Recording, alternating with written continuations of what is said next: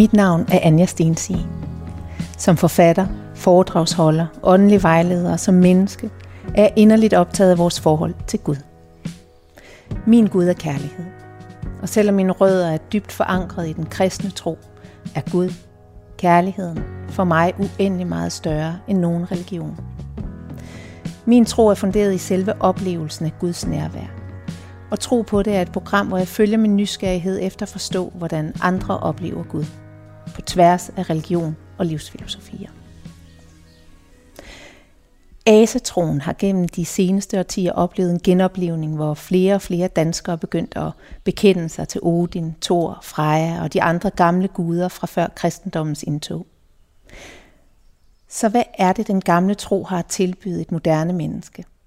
Er der må noget vigtigt, vi har mistet, da de gamle skikke blev lukket ned, som vi har brug for at genopdage, siden så mange oplever at finde svar i vores fortid? Det vil jeg gerne blive klogere på. Så i dag er jeg taget til Vestfyn for at mødes med den asatro multikunstner Jim Lyngvild i den vikingeborg, der er hans hjem, og som han har bygget som en hyldest til vikingkulturen. Tusind tak, fordi tak. jeg måtte komme. Tak, Anja, fordi du ville komme. Jeg er simpelthen nødt til lige at... Øh, eller du må hjælpe mig med at sætte, sætte ord på det rum, vi sidder i, så vi lige kan få vores lytter med herind, fordi det er... Det ligner ikke noget andet hjem, jeg nogensinde har sat min, mine fødder i. Nej, du sidder i et øh, rum, der har 9 meter til loftet, og som øh, er et, et, en stor hal.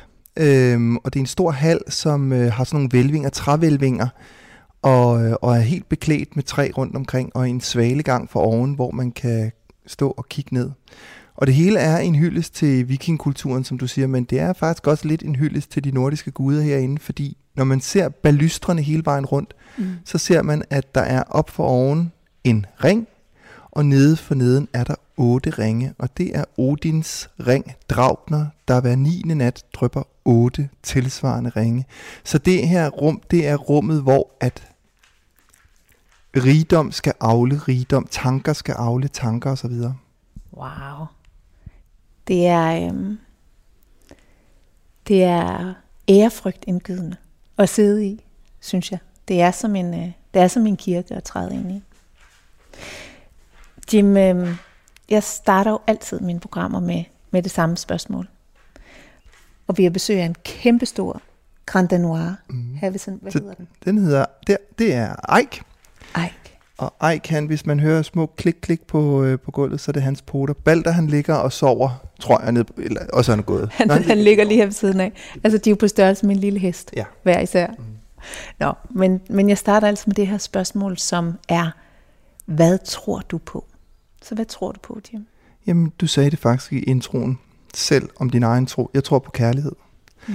Jeg tror på, at tro og religion det er ikke det dogmatiske, det er ikke det skrevne ord.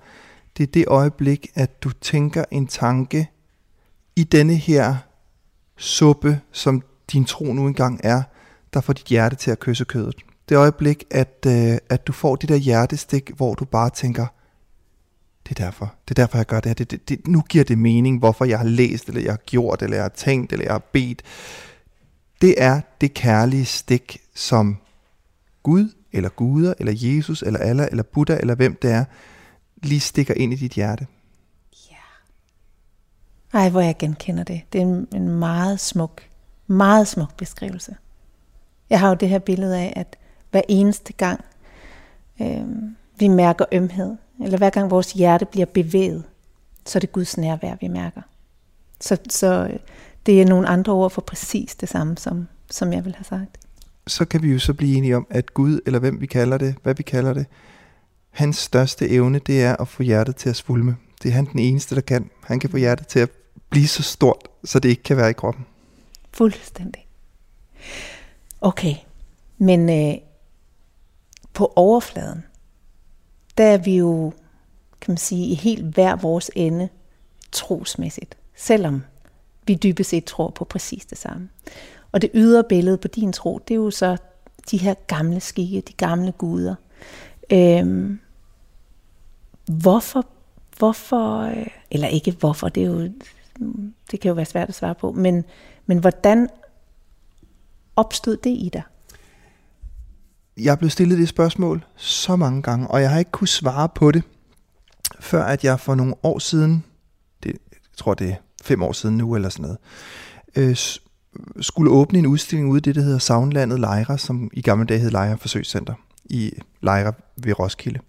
Og der er der sådan en offermose med døde heste og kranier og, og, og, og offergaver nede i sådan en gryde i skoven, og det er meget uhyggeligt og meget stemningsfuldt dernede. Og øh, jeg havde min jæs med derned, og hun var fem år eller sådan noget, og hun begyndte at græde, fordi hun synes, det var så uhyggeligt. Og der fik jeg et vildt flashback til selv at være fem år gammel og være med børnehaven i Lejerforsøgscenter og stå dernede på det samme sted, og de andre børn græd og syntes, det var uhyggeligt, fordi de lavede til at være uhyggelige. Mm. Og jeg var bare hjemme. Jeg vidste bare, her er jeg hjemme. Der er noget, der taler til mig. Fem år gammel vidste jeg, hvad det var, jeg skulle, og hvad det var, der var min mission. Og det har fulgt mig lige siden, at, øh, at der, hvor jeg har kunnet føle min, min interesse fastholdt, det var, når der blev snakket om vikinger eller dansk oldtid. Vi snakker ikke middelalder, det synes jeg er kedeligt. Vi snakker mm. ikke stenalder, det synes jeg også er kedeligt. Men vikingetid og jernalder, der er der en eller anden noget, noget støv, som, som, som er lagt på mine vinger, som jeg ikke helt kan ryste af, og som jeg skal finde ud af, hvordan jeg bruger. Og det er jo fysikken i det. Mm. Øh, man kan sige, det, det, det er den fysiske manifestation. Hvorfor kom det til mig? Hvor fik jeg kaldet? Men, men for at finde ud af det her, for at finde Guds ord, bliver du også nødt til at læse Bibelen. Du bliver nødt til at vide noget om, om Gamle Testamente og Nyt Testamente. Hvad sagde Jesus som hans søn? Og, og så lige pludselig kan du begynde at sætte det her ind i et eller andet, dit hjertes eller hjernes Excel-ark. Mm. Og så kan du begynde at trække nogle linjer og sige, mm, genkalde dig, det er derfor, jeg gør, som jeg gør. Eller, og, og jo mere viden jeg har om området vikinger, jo mere jeg har eksploreret rundt i det ved at bygge en borg, eller lave en udstilling, eller lave et modeshow i Kina om det her emne, og skulle forklare det på alle mulige måder, for folk, der overhovedet ikke aner, hvad det her emne det går ud på. Mm. Des flere følelser har jeg fået bygget ind i det her Excel-ark, og des mere viden har jeg fået bygget ind i det. Og tro og viden hænger sammen, for selvfølgelig kan man sagtens, jeg kan sagtens gå ind i en muslimsk øh, moské og føle den nærvær, der er noget guddommeligt der. Det er ikke min guddommelighed, men jeg kan sagtens mærke det. Men jo mere du har læst op på emnet, og jo klogere du bliver, des mere tror jeg, at du forstår de guddommelige elementer i livet. Mm. Og det er derfor, at sådan en som Grundtvig, altså, han er jo så læst, belæst og så klog og, og, og ved så meget, og jo klogere du bliver, des mere mærker du Gud, men des mindre har du brug for at tale om det, tror jeg. Eller mm. pop, overbevise andre om det. Mm. Ja, jeg tror i virkeligheden, at jeg, jeg oplever det sådan, at øhm, jeg bruger min tilegnelse af viden til at, i virkeligheden også som du siger, at mærke ind, hvor er det, der er noget, der jeg kan genkende i mit hjerte. Hvor er det, der er noget, der resonerer. Og det er også derfor, at, at min tro er sådan lidt underligt udefinerbar. At selvom jeg, jeg har rødderne i min kristendom, og at Jesus er den centrale skikkelse for mig, så, så er min tro blevet øh, defineret af alle de ting, jeg har læst, mm. hvor, hvor jeg kunne mærke, at det her, det føles sandt for mig. Og det har været fuldstændig upåagtet, om det har hørt til det, den kristne dogme, eller noget helt andet, eller tredje, eller, eller fjerde. Men der tror jeg simpelthen også, at Gud eller hvad det er, vi tænker, er hævet over mm. fnider. Mm. Han er sådan set lidt ligeglad med, om du kalder det, for jeg tror, det er den samme. Jeg tror, at det er fuldstændig det samme, om vi kalder det Allah, eller Gud, eller Odin. Det er den store skaberkraft, der får vores hjerte til at eksplodere. Og den store skaberkraft er så stor, så den er der så uendelig ligeglad med, hvad du kalder det. Mm. Bare du gør noget, bare du handler, bare du mærker den følelse, for det er følelsen. Det er ikke ordet, det er følelsen, der er rigtig. Præcis. Men jeg synes jo så, det er interessant, fordi det er jo så der, hvor det adskiller sig fra, fra min måde at tro på, at, at det, der resonerer i dig, alligevel på en eller anden måde holder sig inden for rammen af, af de gamle guder. Altså der er et eller andet i hvert fald i, i den kultur og i den fortælling, som, som taler stærkere til dig, end, end, øh, end den resonans, du mærker, når du læser om andre ting. Jamen det tror jeg simpelthen er det er jo for, når man er et, et, et spirituelt menneske, så tror man, eller åndeligt menneske, så tror man jo også på, at der er noget, der taler til en, eller kan tale til en. Mm. Og jeg tror, at, og jeg ved godt, det bliver meget højdragende det her, eller meget, meget øh, stort tænkt, men lige præcis den her tro, den har været væk i tusind år, og nu skal den genopdages. Mm. Så hvis man tror på, at der er en guddommelig til, eller bevidsthed, jamen så er det så det er det, det, der taler til mig. De har fundet mig, de har også fundet andre, men de har fundet mig at tale deres sprog igennem, sådan så at de ikke er glemt. Fordi hvis der er en ting, Gud eller guder er allermest bange for, så er det, at vi glemmer dem. Mm. På det øjeblik, vi glemmer dem, så er de ikke længere. De findes kun i kraft af os mennesker. Så, så, så, så guddommelighed er nul værd uden mennesker. Og det var derfor, at Gud lavede øh, mennesket i sit billede. For ellers var der ikke nogen til at tale hans ord, så var der ikke nogen til at huske ham. Så vores hukommelse, vores evne til at tale, derfor guder, eller dyr ikke har nogen guder, de er bare dyr. Altså, det ved, det ved jeg ikke, for det kan også være på alle mulige niveauer. Men menneskets evne til at tale og huske og dele, det gør, at Gud eksisterer. Mm.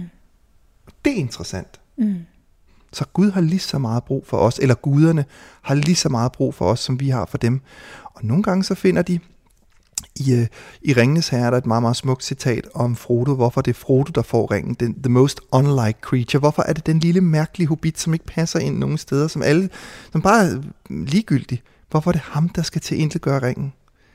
Fordi nogle gange så kræver det the most unlike creature, det mest uoplyste lille væsen, mm. til at gøre noget. Jeg tror ikke, at Gud eller guder, eller hvad vi kalder det, vælger den største konge, eller den største tænker. Jeg tror nogle af de vælger det stik modsatte, fordi især altså, når, når noget skal ind på ny, så bliver man nødt til at vælge noget, som ingen ser som en trussel. Mm. Kan du følge mig? Mm. Øhm, man kan sige, Gud og Jesus er jo ret præsente, og dem har vi haft i tusind år. Men hvis noget vil genhuskes, så bliver de nødt til at finde nogle, nogle nye veje at blive genhusket på. Ser du det som en, en del af din opgave? Er du, er du sat på jorden for at, og, øh, at være med til at minde om de gamle guder?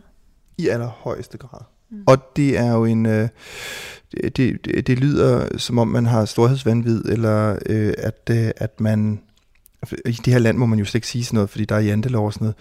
Men, men der er jeg heldigvis også, jeg er et, et meget ydmygt menneske, så derfor så ved jeg også, det handler ikke om mig. Det er ikke mig, det her. Det, det, jeg er, et, jeg er en, en, en, en krukke, jeg er et, et, et, et vessel, hvad hedder sådan en... Et en, redskab. Et redskab, altså til noget. Fordi jeg har ikke nogen intention om, at jeg skal huskes om 100 år. Det er jeg fuldstændig ligeglad med. Men jeg er ikke ligeglad med, om man husker hvad Danmark var, hvad vores særlige kendeskab eller kend, kendetegn var. Ligeså vel som jeg også er meget, meget glad for, at Japan har husket sin tro, eller at Kenya har sin tro. Du lytter til Tro på det. Og jeg sidder med Jim, Jim Lyngvild her i, hvad kalder du det?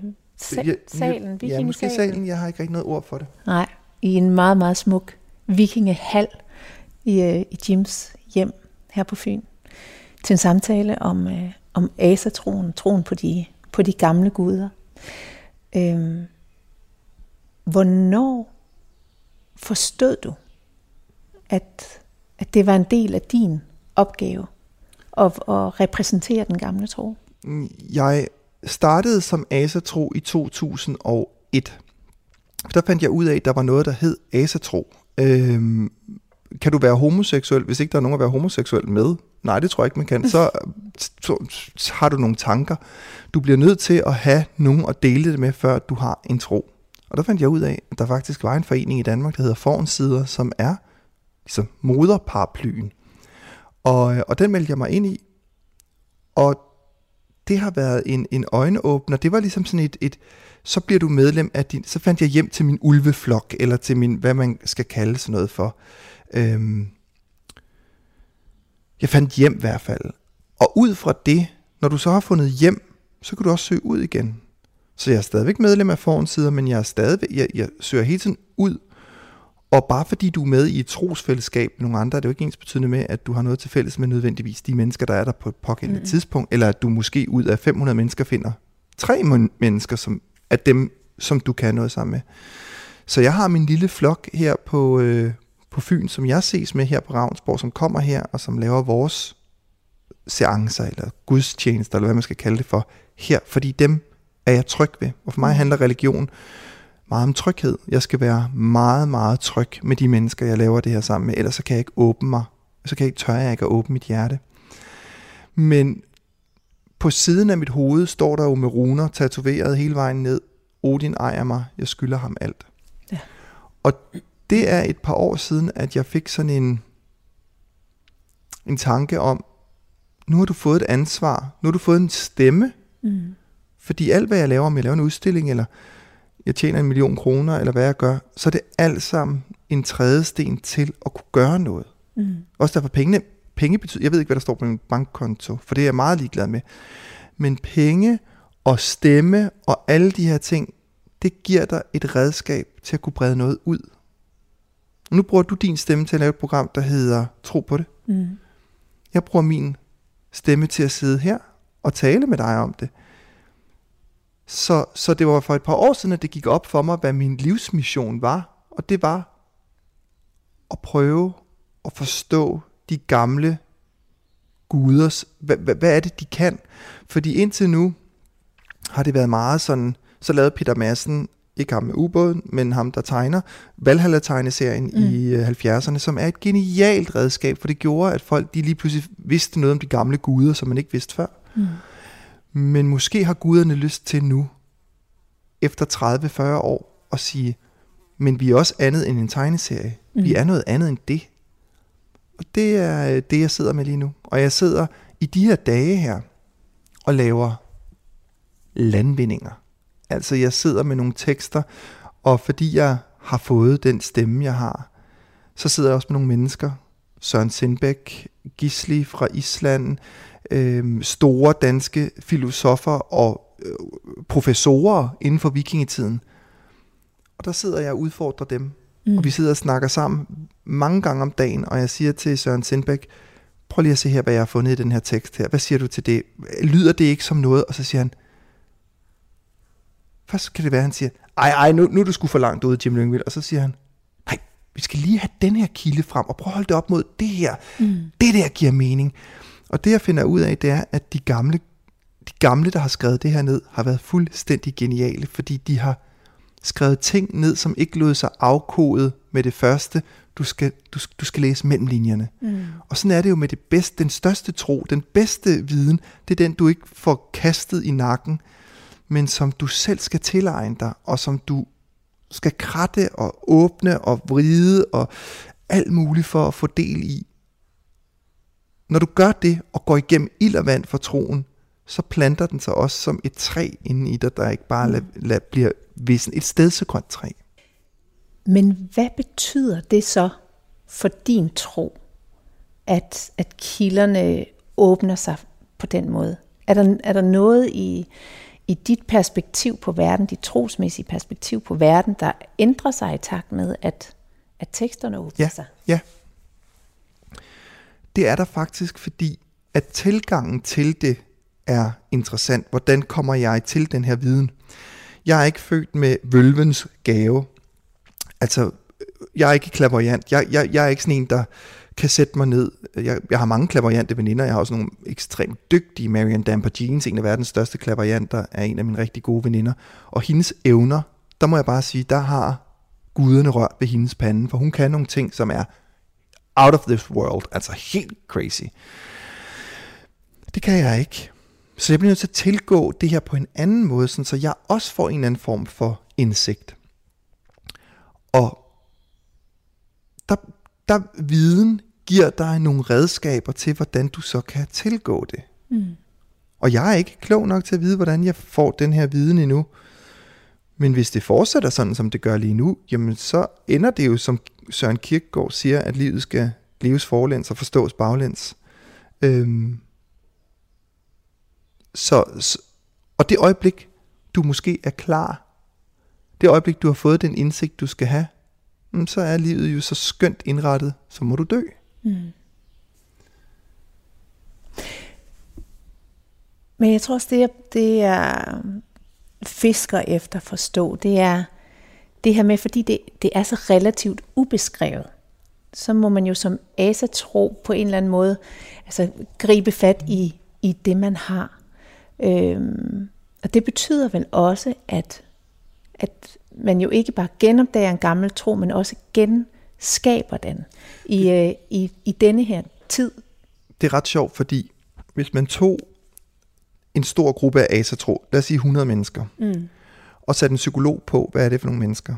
Jeg ved godt, det, det lyder meget, meget groft, men så vil man nok finde en større procentdel af psykopater, af Asperger-autister, af borderliner i den gruppe af mennesker, kontra mm. hvis du bare tog 100 almindelige andre mennesker. Mm. Fordi vi har valgt vores tro til. Det er jo ikke en, du, de færreste bliver født ind i asatroen i dag. Vi har valgt den til, men vi har også valgt en tro, hvor du skal tolke og tænke og vride din hjerne. Og, helt, altså, og det er derfor, det tit er meget det er nørderne, der vælger asatroen. Det er de sager, det er de mærkelige, dem der ikke passer ind i det andet, mm. fordi man er vant til, at ens hjerne fungerer på en anden måde, eller at man, man ikke passer ind i det der, øh, det der fastlagte system. Og det er jo det, der er med kristendommen. At der er nogle ganske få, som jeg ser det, der tager det kristne budskab som et hjertebudskab med store varme vinger og breder det rundt om sig selv og andre. Men der er masser, der bruger det, og også masser af danske præster. Heldigvis er der også en kæmpe gruppe, der ikke gør det. Men som bruger det som sådan en dogmatisk tro, hvor så kan vi, hvis vi ved sådan og læser sådan, så, det, så, så, så har vi en guddommelig indsigt. Men jeg sagde tidligere, at viden kan give guddommelighed, men viden giver ikke nødvendigvis en guddommelig indsigt. Øhm, så, så ja, det er, oh, det er anderledes at være asatro, og det er anderledes, fordi du hele tiden bliver nødt til selv at investere noget. Du bliver nødt til selv at involvere dig. Du bliver nødt til selv at sætte din røv i klaskehøjde, sådan så du, for du ved aldrig nogen, som det er rigtigt, det du gør. Nej.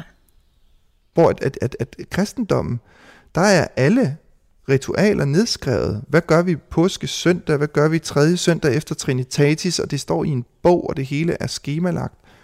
Det vil jeg have at være en del af en tro, hvor jeg ikke selv kunne få lov til mm. at forme, hvor jeg skal hen.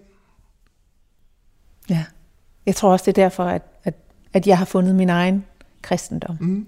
Og faktisk så for, for mig var det... Øh, jeg begyndte jo at læse teologi for nogle år siden, og jeg anede ikke hvorfor det, det blev jeg guidet til. Øhm, og jeg var der kun et par år, men det tjente det formål, det, det skulle, øhm, kunne jeg se bagefter. Og det var, at jeg faktisk blev frigjort. Fordi at når man først begynder at læse i kirkehistorien, når man først begynder at sidde og oversætte Nye Testamente til græsk, eller fra oldgræsk ja. selv, så opdager man, hvor lidt der faktisk er sat i sten. Ikke? Nemlig. Og man opdager, hvor, øh, hvor åbent det er, og man opdager, hvor uendelig mange forskellige måder, det budskab blev tolket på.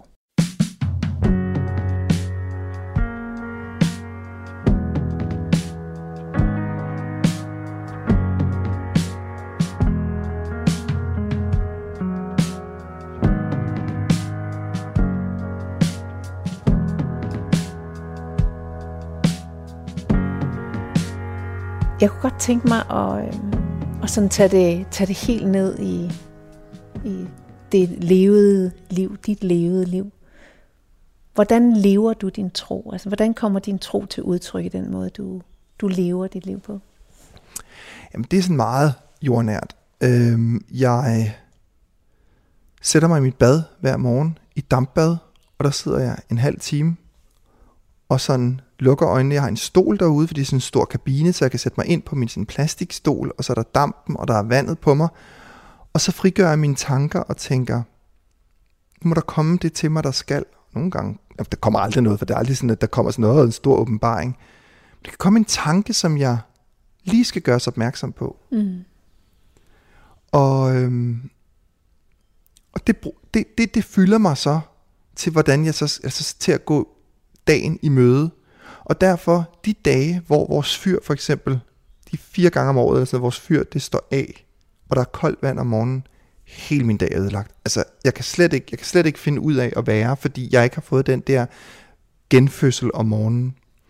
Men hvad er det, du gør, når du sætter dig ind? Åbner, altså, er der bønd forbundet med det? Åbner du dig for noget særligt? Jamen, tidligere der havde jeg sådan en, en øvelse med, at jeg sådan øh, lod en lille nisse, altså det er bare sådan et lille billede på det, løbe rundt i min krop, og hvis den lige fandt noget, der var en blokering, mm. oh, der kan jeg mærke lige derovre, lige i venstre side af mit, mit bryst, der, mm, der er der noget, der, jeg ved ikke, hvad det er, men der er et eller andet, der driller, skovle det lige fri, og så hakkede den, eller skovlede den lige der fri, sådan, så, der, uh, så der fri passage, så løb den videre, sådan, så hele min krop lige var sådan, det hele strømmede, som det skulle. Det behøver jeg ikke mere. Nu, nu, nu kan jeg bare sætte mig ud, fordi jeg ved næsten, hvad den gør. Og sådan er det jo det, øh, ofte, tror jeg, at, at, at man starter med nogle ritualer, og så til sidst så sidder det bare på backbone, og så kan du bare gøre det. Ja. Øhm, så bruger jeg det også øhm, i, jeg bruger det stort set altid i alle mine større valg i livet. Jeg, jeg, jeg tænker på guderne, især Odin, der er blevet min sådan hovedgud, øhm, mange, mange gange om dagen. Øhm, og så tænker jeg, er mine handlinger gode nok? Er jeg... Altså jeg tænker faktisk også hver dag, og jeg ved godt, det lyder helt åndssvagt, når jeg sidder ude i badet, så tænker jeg næsten hver dag, er jeg psykopat? Mm. Og ordet psykopat, det er fordi, jeg kommer fra en slægt, en mandlig slægt, hvor at stort set alle har været enten store kunstnere, højt begavede øh, præster, biskopper eller psykopater. Mm. Så jeg siger til mig selv hver dag, og det jeg prøver, det lyder så forkert at sige, men det, det jeg spejler og prøver at spejle, det er, er mine handlinger gode nok? Står mine handlinger mål? Er min vægtskål i balance? Er mit, er min, er jeg i kontakt med, med mine guder? Er jeg for egoistisk i det, jeg gør? Gør jeg det af egen vindings skyld, eller gør jeg det for det, som det redskab, som jeg nu gåseøjne ser mig selvs skyld? Og det siger jeg til mig selv hver evig eneste dag. Så på den måde, det der med at have ydmyghed over for ens tro, og være i balance med ens tro. Fordi der er masser af mennesker, der misbruger tro, hvis man ser sådan nogle amerikanske call-kanaler, øhm, hvor du kan ringe, og så kan du få Guds ord, eller du, og så koster det 400 kroner i timen, eller i minuttet, eller whatever. Gud, hvor er det dog noget svineri, at man misbruger mm. troen og andre menneskers smerte, for det er jo det, der tit er forbundet. Tro og smerte hænger sammen. Så dem, der kommer til dig, skal have hjælp. Dem må du ikke misbruge, der må du ikke, der må du ikke snyde. Øhm, og det prøver jeg hele tiden at spørge mig selv om. Så på den måde bruger jeg det til at være sådan en guideline til mit moralske kompas. Og så har jeg selvfølgelig også sådan helt jordnært min, min fire årstidsblod, som er sol, sommersolværv og vintersolværv, hvor jeg er sammen med mine venner, og vi laver de her arrangementer. Men vi har mange forskellige ting, fordi de største spirituelle oplevelser, jeg har haft, det er faktisk, når vi laver det, der hedder sejt. Og sejt er den nordiske form for shamanisme, som man har brugt før kristendommen. Mm. Og sejt er noget, hvor vi ved, vi ved ikke så meget om det. Vi ved kun, at, øh, at fra Erik den Røde saga, der har vi en vølve, der hedder Torbjørk Lillevølve, og hun skal synges ind i en trance, hvor hun så, når hun er blevet sunget, den sang, der hedder Vartlokur, som betyder noget med åndelokker, så får hun beskeder fra åndeverdenen, som hun så kan give videre i forhold til, hvad skal der ske, bliver høsten god, alle de her ting her. Og det er jo sådan, det er jo værktøjskassen for, at man kan have et spirituelt dagligt liv. Kan du følge mig? Altså, mm. du, nu, du bliver nødt til at gøre nogle ritualer, som ikke er udadvendte, men som er indadvendte, for at din personlige spirituelle værktøjskasse, at din, din personlige spirituelle væsse kniv, den bliver væsset. Den skal være skarp. Mm. Du bliver nødt til at gøre nogle, nogle, nogle gymnastikker, for at du altid er skarp i det, du gør. Så også derfor, jeg siger, om morgenen, så sidder jeg og gør det der, mm, har de her ritualer, der, der, der godt kan lægge sig på bag, øh, backbone eller på rygsøjlen, og så gør man det. Mm. Men det må aldrig blive mekanisk. Nej. Du skal altid være sprød i din tilgang til guderne. Hvis den bliver mekanisk, så gider de ikke at lytte efter, tror jeg. Hvad er det for en, en relation, du har til Odin? Ja, det er meget, meget mærkeligt, fordi Od, altså man, man har det i nordisk mytologi, der hedder fuldtrui, som betyder den fuldtroede, eller den, man betror sig til. Det er jo ret smart, når man har mange guder. Så kan det være, hvis man er meget husmoderlig og føler, at man, man brænder for sine børn, at man kan være øh, fuldtroet med Sif, som er ligesom huset, eller Frik, husets beskytter. Mm. Men Odin er kongernes Gud, og derfor er det også meget, jeg er jo ikke konge, jeg er konge Ravnsborg, kan man sige, men jeg er jo ikke konge af noget, og jeg er også, jeg er aldrig sådan en, der vil have magt. Jeg hader magt. Altså, jeg, jeg har ikke nogen titler. Mm. Jeg, jeg har ikke nogen direktørposter i alle mine firmaer, jeg har, fordi jeg gider ikke magten, den, den er kedelig. Men derfor er det også mærkeligt, at Odin lige pludselig er kommet til mig, og Odin er en meget, meget sær Gud at være ven med, fordi, eller hvad jeg nu er, for jeg er ikke ven med Odin. Han bruger mig til sit spil. Det ved jeg udmærket. Mm. Odin er, øhm, han er sådan en, som kan løfte dig op på den højeste tinde, men du skal også vide, at hans gunst var ikke evigt. Så lige pludselig, når han er træt af dig, så trækker han tæppet væk under sig. Hvor at kristne Gud, han er altid elskende, han er altid omfavnende, han er altid mm. tilgivende. Det er Odin ikke. Nej. Og derfor så kan han virkelig skabe dig, forme dig, løfte dig. Man kan lige så hurtigt trække tæppet væk under dig. Og den skal man være klar til. Og det er også derfor, der står, Odin ejer mig, jeg skylder ham alt. Med den rigdom, jeg har, økonomiske frihed, jeg bor i det her fantastiske sted, jeg har min mand, som jeg har været sammen i 20 år, som elsker mig stadigvæk. Al den lykke, al den rigdom, jeg har i det, mm. den skal jeg også være klar til at kunne sige farvel til. Også i morgen, hvis Odin bliver træt af mig. Så jeg kan ikke jeg kan ikke kræve min ret. Jeg kan ikke kræve at få noget. Jeg kan kun være tilfreds og lykkelig, så længe han ser på mig med milde øjne. Kan du følge mig? Ja. Men er der, er der noget, du kan gøre for at, øh, at opnå hans gunst? Altså er der noget, du aktivt kan gøre for at, at mildne ham i forhold til dig? Det ved jeg ikke. Fordi ja. jeg kan jo kun sige, at øh, indtil videre går det jo meget godt. Så, altså, det, er en, så det er en overgivelse? Ja. Ja. Og, og, og den overgivelse er jo ikke betinget af, at han giver mig noget tilbage. Mm-mm. Den er bare, men han giver mig, det kan jeg jo se, jeg, jeg, jeg offrer jo, altså, og det, de ting, jeg offrer, det kan være meget dyre gaver, store guldringe, eller et stort, jeg offrede engang en meget stor sølvbager, og min mor er antikvitetshandler, og så sagde hun til mig, hvor er du en idiot, det bager, det var så mange penge værd, det får du jo intet ud af. Mm-hmm. Og så kunne jeg bare sige, prøv lige at kigge dig omkring, du sidder i en vikingeborg, mor, Mm. Prøv at se på Morten, se på, hvad vi har. Mm. Jeg har fået alt. Altså, og om det er, fordi jeg har givet noget, I don't know. Mm. Men ydmygheden i, at du bliver nødt til at give noget, du bliver nødt til at overgive dig. For det øjeblik, du overgiver dig og slipper, det der sådan noget for noget, mm. men så kan det være, der sker noget spændende. Det kan også være, der ikke gør. Men hvad gør det ved dig, tror du, at, at du på den måde øh, hele tiden ligger på den der kant, hvor du ikke ved, hvad Odin kommer til at byde dig. Det gør jeg øh, altid. gør mig umage. Jeg gør mig altid umage. Om jeg laver et billede, om jeg laver et projekt, en udstilling, så gør jeg mig umage. Fordi jeg skal altid, og jeg gør det altid med den, altså, om vi kalder det for, det, det, kan jo være, at jeg sådan vil lave en udstilling omkring, jeg skal lave en stor udstilling her til efteråret, der hedder Guld og Guder, og der bliver Odin meget i centrum, så der bliver jeg nødt til virkelig sådan at bryde min hjerne. Så vil jeg altid gøre mig umage med de ting, jeg gør. Aldrig at gøre sig det mageligt. Mm.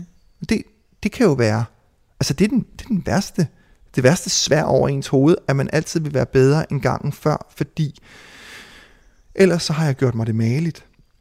Og så ved jeg, så bliver han træt af mig. Mm. Det kan være, at han ikke bliver træt af mig, hvis jeg altid gør mig et, 1% dygtigere næste gang, jeg laver et projekt. Så måske er det ikke rigdom og guld og alt muligt. Måske er det, at han altid holder min hjerne elastisk. Fordi jeg når ting, og jeg ved godt, det, det er min største og mest guddommelig givende gave, det er, at jeg kan nå, hvad 20 andre mennesker kan nå på et døgn. Det kan jeg nå. Og jeg ved ikke hvordan, og det er alle, altså spørg alle, der kender mig, du, jeg når ting. Fordi jeg ikke er bange for at fejle. Det er sådan noget brumbasse-effekt. Jeg ved ikke, jeg ikke kan flyve, jeg gør det bare. Mm. Og måske er det den største gave, jeg har fået. det, det er dybt fascinerende for mig. Altså fordi det er, det er så modsat øh, min måde at være i verden på. Og måske netop fordi, at jeg oplever min Gud som være alt omfavnende. Og, og at jeg kan ikke fejle i Guds øjne. Og det er jo, det er jo bekvemt og dejligt, fordi at, at jeg, øh, jeg har en meget lav stressfaktor. Jeg kan ikke, jeg skal helst ikke have mere end en opgave om dagen, og bliver lidt overvældet. Øh, så det er jo interessant det der med, hvordan øh, vores tro jo på en eller anden måde også afspejler vores, øh, vores personlighed, eller vores, vores måde andet, at være i, i verden på. Kan den andet end det? Men det er jo det. Og det er også derfor, hvad er Gud? Er Gud dig? Er du selv Gud? Og jeg ved godt, det vil man til hver tid som et ydmygt menneske sige, nej, nej, det er jeg ikke. Men er du selv Gud? I min verden er vi jo alle sammen en del af Gud. Mm-hmm. I begyndelsen var ordet, og ordet var Gud. Mm. Ja, for ordet er Gud. Hvis ikke der var et ord for det, så fandtes det ikke. Hvis ikke der var en, og det er det med at sige, hvis ikke, det, hvis ikke du kender andre, der er det, så er du det ikke. Eller så kan du ikke være det. Mm. Gud bliver nødt til at plante et ord i os, mm. ellers så findes han ikke. Mm. Øhm, og det er jo det, når man begynder at læse de hellige skrifter, eller, og det, jeg, elsker, det, jeg elskede det her projekt i Forborg Kirke, fordi der fik jeg en indsigt om mange ting, som jeg ikke havde læst om før. Det kan være, at du lige helt kort bare lige skal fortælle, hvad det var, det projekt ja. gik ud øh, på, så lytterne er med. Projektet gik ud på, at jeg sad en dag i Forborg Kirke, fordi jeg skulle fortælle om asatro i kirken sammen med fantastiske præst Lene Mattis. Øhm, og så sidder jeg og kigger rundt i den her kæmpe klosterkirke og tænker, den er helt bar. Der er ingenting. Der er ikke nogen der er et stort alterbillede, som er et skrækkeligt alterbillede, hvis du spørger mig. Øh, men, men ellers er der helt kæmpe, kæmpe væg, der var helt hvide. Så spurgte jeg menigheden, om jeg ikke måtte, eller hvad hedder sådan noget, øh, menighedsrådet, om jeg ikke måtte lave billeder, seks store billeder ind til kirken, mm. der viste bibelske motiver. Og det synes de bare med det samme var en super god idé. Så det gik jeg i gang med. Og det var en kæmpe, kæmpe proces, der også blev filmet til Danmarks Radio, hvis man vil ind og se processen derinde, tror jeg, de ligger som sådan nogle streaming-ting. Det hed Hedningen og Præsten, eller Præsten og Hedningen. Men der skulle jeg jo så for at forkynde Guds ord, det havde jeg ikke noget problem med som asatro, for jeg er jo politist. Jeg tror på mange guder, så jeg tror også på Jesus. Jeg tror, at Jesus har været en fuldstændig fantastisk shaman og dygtig og klog, og det klogeste menneske, der har været på jorden. Øhm, der skulle jeg virkelig læse op på det her stof her, for ikke at dumme mig. Men jeg vil stadigvæk have lov til at tolke ud fra mit billede. Så, så da jeg skulle lave det store billede af, øh, altså det er jo sådan nogle 3x4 meter billeder i kæmpe guldrammer, da jeg skulle lave grebet i hår, øh, billedet, hvor de fleste kender, at øh, horen, der er blevet grebet i hår, og så siger Jesus, lad den, der er uden synd, kaste den første sten, mm. og så lægger alle stenene fra sig. Der gjorde det til et lesbisk par, og der var en af steningerne, en af steningselementerne, for dem, der sad og ville stene, var en mobiltelefon. Fordi det er nutidens stening. Unge mennesker bliver stenet mm. verbalt øh, på, på, på nettet, hvor deres billeder bliver lagt op i situationer, de ikke har lyst til. Mm. Så vi stener stadigvæk i dag. Vi gør det bare måske ikke med en fysisk sten. Mm. Så jeg skulle tolke de her billeder her, og det var sindssygt spændende, fordi der fik jeg lov til at læse Gammeltestamente, og det er jo sådan stort i slaget, og, og med mange billeder. Det er ekstremt billedligt. Det er derfor, at næsten alle billeder, der er lavet af sådan store guldaldermalere, det er gammeltestamente, ja. fordi det er så nemt at visualisere. Mm. Det er ekstremt svært at vise nye testamente, for det er filosofi. Mm. Det er Jesus. Og Jesus er genial. Hans ord, og det brugte jeg hele tiden, for jeg blev jo interviewet til tusind forskellige blade og alt muligt hele tiden, og skulle forholde mig til de her billeder. Og hver gang der var nogen, der ringede fra et blad, så tænkte jeg lige sådan, okay, nu tænker jeg lige, hvad vil Jesus have svaret her? Ikke fordi jeg på nogen måde kan sætte mig i hans sted, men det han gør, det er altid at vende tingene på hovedet. Så når du skal blive sur, bliver du nødt til at blive glad. Når du skal hade, bliver du nødt til at elske. Mm. Så når folk skældte mig ud, i stedet for at gå i forsvarsposition, mm. så gå i kærlighedsmode og mm. omfavne det. Tag imod det og give dem tilbage med kærlighed. Så det var et meget, meget spændende projekt for mig, fordi jeg lærte nogle ting om mig selv, det var måske Jesus' gave til mig. Måske mm. tænkte Jesus også, eller hvem, hvor han nu engang sidder. Ham der, han skal noget for en stund for mig. Ja. Selvom det ikke, jeg, han måske ikke skriver på mine sider, eller er i mit billede. Mm. Og det, øh, det har været en kæmpe gave at få lov til at blive bragt ind i, denne, i den verden, mm. som jeg ikke kendte så godt, men som bekom, bekom mig vel. Så i virkeligheden, så gør du jo lidt ligesom uh, som uh, hinduerne. Jeg kan huske på et tidspunkt, så bliver jeg overrasket over at opdage, at ordet hindu betyder sådan set bare inder. Og det, uh, det inderne har været utrolig dygtige til. Det har været, at hver eneste gang, der kom nogen og ville invadere dem med en ny religion, så har de bare inkluderet den i deres ja, egen. Hvor er det dog dejligt. Så, så, så man kan sige, det ser ud som om, at din tro også bare vokser sig større og rigere ved at, at kunne fagne Jesus også. Og ja, ja.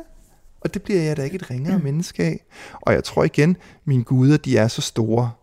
Så det, altså, det er ikke der. Det er, når jeg dummer mig. Når jeg ikke er tro mod mig selv. Der kan de blive gale på mig. Når jeg ikke lytter til mig selv.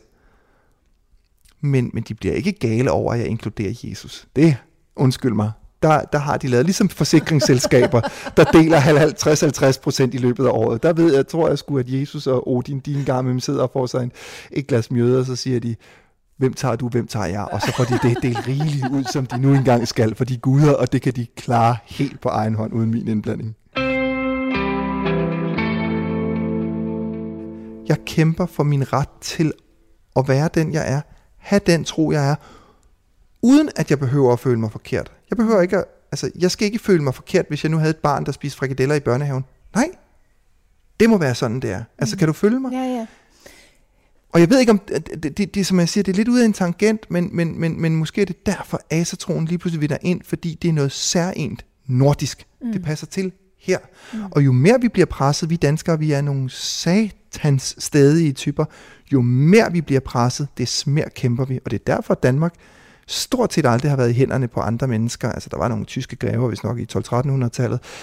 Men ellers så har vi været en ubrudt land med en gammel, gammel øh, kongeslægt, fordi vi overgiver os ikke så let, selvom vi er et lille land.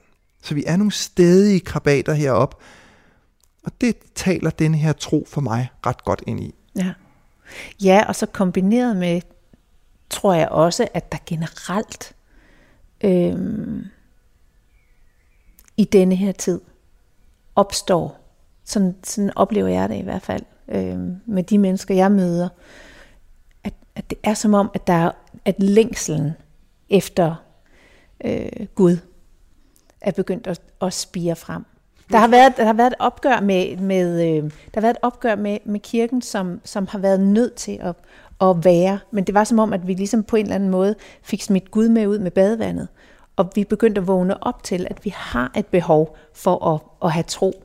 Og så begynder vi jo så bare at søge øh, andre steder end i den folkekirke, ja. som har været utilstrækkelig. Men, men jeg har snakket om det her emne rigtig meget med Katrine Frøkær Bavnvig, som er øh, chef for grund, Center for Grundtvig Forskning på Aarhus Universitet. Mm. Og hun har jo en tese om, at Gud er død. At grunden til, at vi har malere, der, der, der maler i de danske folkekirker sådan noget klatmaleri på en væg, og så skal vi sige, det er Jesus genopstandelse. Mm. Det er fordi, at man for cirka 50-70 år siden besluttede sig for, Gud er død. Mm. Folk tror ikke på Gud længere, så vi skal ikke længere tro på det. Du skal, når vi sidder derinde, så skal vi sådan, vi skal fortælle om de der følelser omkring det, eller udlede et eller andet filosofisk af det. Men den der ægte Jesus har levet, jeg tror på hans genopstandelse, kroppens evige liv, alt det det tror vi ikke på længere. Men måske har vi brug for det. Måske har vi virkelig brug for at tro på noget, som ikke er sådan noget fluffy, krænkelsesparat, vi skal også bøje af for alt muligt. Nej, der er ting, der ikke kan gradbøjes. Mm. Der er ting, som i hjertet er mejslet i granit, og det skal vi have lov til. Mm. Uden at der er nogen, der skal sige, ej, men jeg bliver sur, fordi nu tænker du anderledes end mig. Eller, åh nej, hvis du spiser kød, så er jeg rigtig ærgerlig, fordi så ødelægger du helt. Nej, lad mig leve mit liv, så lever du dit liv, og så lever vi fint sammen. Mm. Og den der sådan, man hele tiden er på på angst for ikke at måtte føle eller tænke noget rigtigt, fordi jeg tænker, hvis man tænker det forkerte, det tror jeg det, der gør, at folk de længes nu efter at få lov til at tro på noget. Mm. Ja, så der er den dybe længsel, som jeg ser, er efter Gud. Og så tænker jeg også, at vi lever i en tid, hvor, hvor der faktisk i kraft af mange af de ting, øh, som, øh, som der er blevet gjort, alle de her små oprør, som, som, som du har talt om, jo også er blevet skabt et større rum til at tro det, man gerne vil. At, at, at der, jeg tror, jeg tænker ikke for 100 år siden havde der været den samme plads til at være asatro, som der er i dag, vel? Jamen, men kig på Grundtvig. Var han asatro? Det er der jo nogen, der mener, at han faktisk var asatro. Han skriver jo ekstremt meget om asatroen, og bruger asatroen med kristendom, og blander det sammen, og skriver bøger, og øh, øh, taler meget om det her emne her. Men selvfølgelig var han ikke asatro, fordi at, at, at det var der ikke mulighed for. Men han havde en længsel mod noget, som ikke kun var det der, nu skal vi også lige sige, at, at Grundtvig kom lige ud af, af hele den her 1700-tallets, øh, nu skal du føle Gud. Du, Gud er ikke til stede, vi tror ikke på Gud længere, vi skal gå ud i naturen og mærke Gud. Og det var jo det, han gjorde oprør imod Grundtvig. Han gik ind og sagde, nej, I skal tro på Gud, og I skal synge om stjernemænd og gudebørn og alle sådan nogle ting, fordi vi har glemt at tro. Mm. Og det var ekstremt udskilt i hans tid, at han gjorde det sådan noget, det, det var sådan lidt pattebarnsagtigt, og det var sådan, øh, nu har vi jo lige bestemt os alle sammen for, at Gud er død, og den, uh, han er ude i naturen, og der er et eller andet der. Nej, det vendte Grundtvig bare på hovedet og sagde, nu bliver jeg nødt til at tro rigtigt igen. Så måske er det ikke så mærkeligt, at vi engang hver 100 eller 200 år, de bliver nødt til at revurdere og sige, nej, Gud er død, længe leve Gud. en glimrende sløjfe, Jim. du lytter til Tro på det. Mit navn er Anja Stensi. Jeg sidder her med Jim Lyngvild, og vi er ved at være nået til vejs ende i, i vores samtale her. Om de gamle guder, og øh, om Jesus, og, og den døde og den levende Gud. Øhm, jeg slutter altid af med at spørge, om vi skal bede en bøn sammen. Ja. Og, øh, og jeg har også spurgt dig, ja. om, øh, om du har en bøn, som du har lyst til at, at bede med os? Altså jeg vil sige, nej, fordi vi har ikke bøn i, uh, i asatroen. Men jeg har igen, der er så mange salmer, som jeg elsker. Øhm, så man skal bare lytte til de danske salmer. Øh, Hilder, frelser og forsoner. Jeg, jeg, jeg kan nærmest ikke sige ordet uden at begynde at græde, fordi det er så smukt skrevet. Men vi har i asatroen en trosbekendelse, for det skal man have, når man er en religion i Danmark, skal være en anerkendt religion. Og der har vi i det sidste vers, der siger man noget, som jeg vil ønske, at du og alle åndelige mennesker tager til sig som deres sidste vers, eller deres vers i mm. deres liv. Og der siger man, gudernes ansigt ingen kender.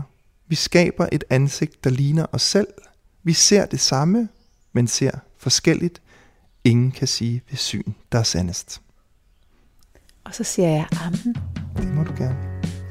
Og tusind tak, fordi du øh, stillede op til den her samtale.